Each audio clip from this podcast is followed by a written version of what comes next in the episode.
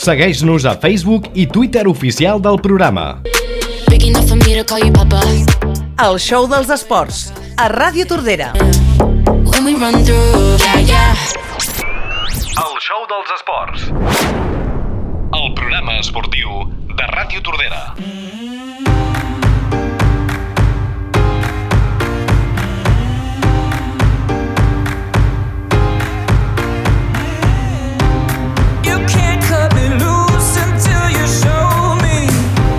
Què tal, com esteu? Benvingudes i benvinguts a un nou capítol del podcast oficial de nutrició de Ràdio Tordera que l'elaborem conjuntament amb els esports d'aquesta casa. Ja sabeu el títol, d'on traiem l'energia vital.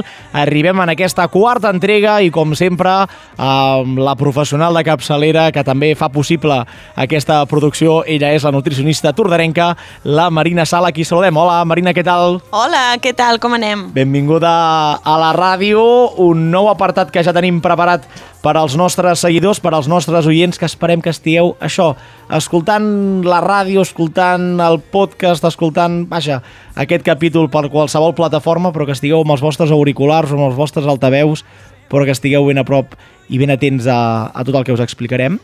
Uh, que, per cert, si van estar ben atents, hem de retrocedir res, aquests primers minuts, un moment en el capítol anterior, mm. parlàvem del dejuni. Sí. Tu mateixa, explica'ns, a veure. Doncs per què serveix aquest famós dejuni, no? Mm -hmm. Doncs mireu, serveix... Eh, Parlo d'un dejuni de dos o tres dies combinat amb una dieta saludable i variada. Eh? Doncs ajuda que millorem aquesta pressió sanguínia, eh, disminueix la flacidesa, uh -huh. eh, ajuda també a no recuperar pes, disminueix l'ansietat per la gana relacionada amb els aliments i augmenta aquesta energia vital de la que parlàvem. Però és que a més també ajudem a augmentar eh, el nostre metabolisme basal, amb la qual eh, bueno, contribueix en aquest entrenament metabòlic. Mm -hmm. Molt bé, aquesta pinzellada, però a més a més volies afegir una cosa que potser doncs, no, Sí. vols insistir en, en aquest sentit amb el dejuni. És una cosa important, el dejuni. Eh? Doncs sí, per aquí està contraindicat, o sigui, no sí. tot és per tot, sempre ho hem dit, i eh, aquelles persones amb problemes de ronyó, de pàncreas o diabetis tipus 1, o nens menors de 16 anys, o majors de 65, els adults, on moments de la vida, etapes concretes com l'embaràs, l'allet- l'alle- l'alletament, o persones que fan tractaments eh, farmacològics mm, amb tiacines, furos... bueno, és igual, però tots aquells eh, cardiopàtics, doncs mm, no s'aconsella de fer un dejuni. Tampoc s'aconsellaria de fer un dejuni en persones eh, amb un procés oncològic que hagin passat un càncer i sense l'alta oncològica d'almenys 5 anys. Ho has esmentat ara, alta, sobretot, important. Deixeu-vos aconsellar per als professionals del món eh, sanitari, dels nutricionistes, de qualsevol persona encarregada que us pugui guiar, doncs eh, tingueu sempre present això, sobretot.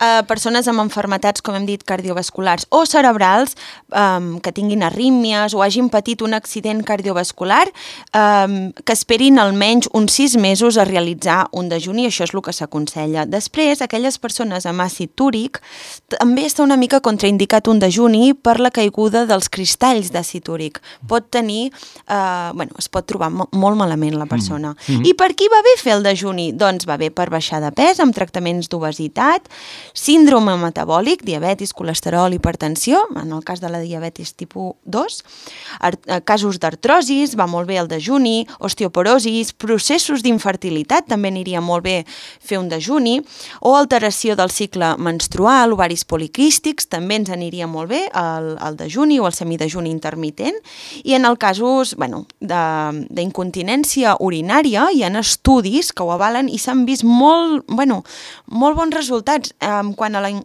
incontinència urinària uh -huh. i, el, i el dejuni. Bé, doncs uh, ja ho teniu. A capítol anterior doncs, uh, en parlàvem àmpliament uh, sobre el dejuni, però en aquest eh, podcast per arrencar també volíem acabar d'insistir amb aquests quatre temes que ja us hem exposats. Ara canviem de pàgina, girem el full i anem directament amb el contingut d'avui. Aquests suplements que la Marina també volia acabar de completar en aquests eh, apartats. Marina, llancem-nos a la piscina ara I tant. amb una altra cosa. Anem amb suplementació esportiva. Eh, quins suplements recomano per augmentar aquesta massa muscular? Doncs els aminoàcids ramificats ajuden a que la proteïna que consumim entri en el múscul. Els aminoàcids ramificats els podem trobar a qualsevol farmàcia o arboristeria i ajuden al creixement i manteniment de la massa muscular, ralentitza la disminució de la potència muscular en esports eh, d'altitud i accelera també la recuperació muscular després de l'activitat física o després d'un entreno. També redueix els nivells d'estrès i de cansanci, amb la qual l'atleta recupera molt millor a l'exercici i també manté el sistema immunitari en bones condicions. Uh -huh. Quins altres eh, suplements tenim? Doncs també tenim l'espirulina, que l'espirulina és una alga que per al seu alt contingut de clorofila eh, oxigena molt a nivell celular, ens farà augmentar aquesta energia i ajudarà a que augmentin també el nivell de mitocòndries, que hem dit que són les cèl·lules encarregades d'aquesta respiració celular que ens impedeix envellir i que ens oxidem. Mm. També recomano molt i ajuda molt també a evitar lesions l'omega-3. L'omega-3 eh, val tot tipus d'omega-3? No. Oh haurà de ser un omega-3 de qualitat que contingui EPA i DHA.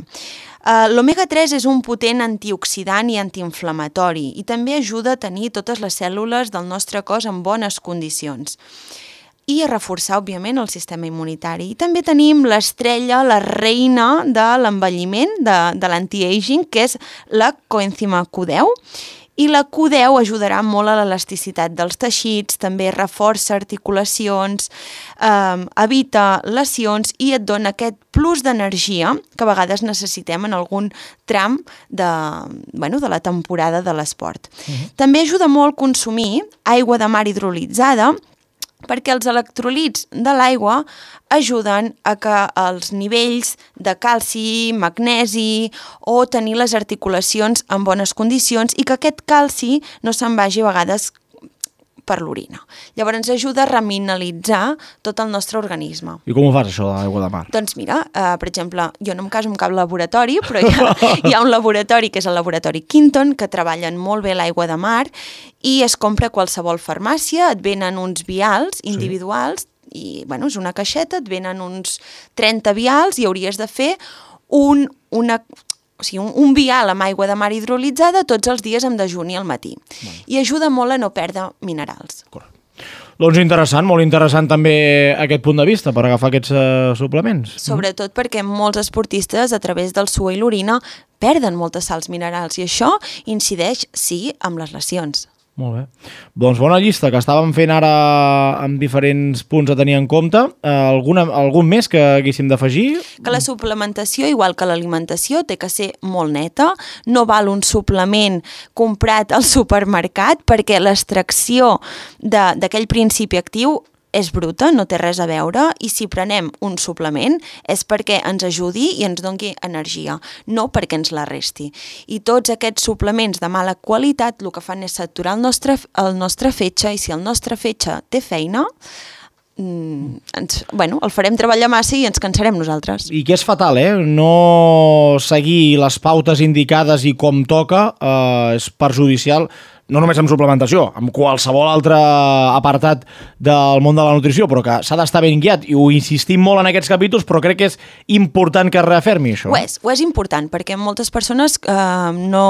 Bueno, compren... Van a lo fàcil, van a lo fàcil i a lo barat, no? I, no, I lo barat surt car, perquè sí. l'altre dia, mira, m'hi vaig trobar amb un pacient, va comprar eh, X bueno, supermercat, sí, sí un producte que ell, bueno, se'l va comprar perquè li traiés una miqueta la gana, era la primera visita que feia amb ell i diu, mira, he trobat aquest producte i a més té, té zinc i està molt bé i dic, a veure, deixa'me'l mirar, vaig mirar la composició i era tot sucre, amb la qual ens hagués jugat en contra en el tractament de pèrdua de pes. I s'ha de tenir en compte, i a vegades no li fem atenció, bueno, és un comprimit, o allò era en forma de xiclet, no? I la Mm. persona, bueno, s'ho pren pensant que és zinc, magnesi o el que sigui, i en realitat està prenent sucre pur. Marina, alguna cosa més sobre aquest capítol? Si no, ho deixaríem aquí, amb aquest apartat eh, en el dia d'avui sobre suplementació esportiva, que esperem que novament eh, els oients o els que ens hagin acompanyat doncs també hagi sigut del seu agrat. Doncs sí, sobretot, eh, més que res, una suplementació vol dir una més a més de la nostra alimentació. No podem pre per, bueno, pretendre suplementar-nos i amb això ja ho hem fet tot. No. La suplementació té que anar acompanyada d'una molt bona nutrició. Marina Sala, la tordarenca, eh, ens ha Orgullosa explicat... sí, sí, de ser-ho. Eh, ens agrada molt que ens acompanyis un dia més. Avui ho deixem aquí i tornarem amb una propera entrega. Gràcies.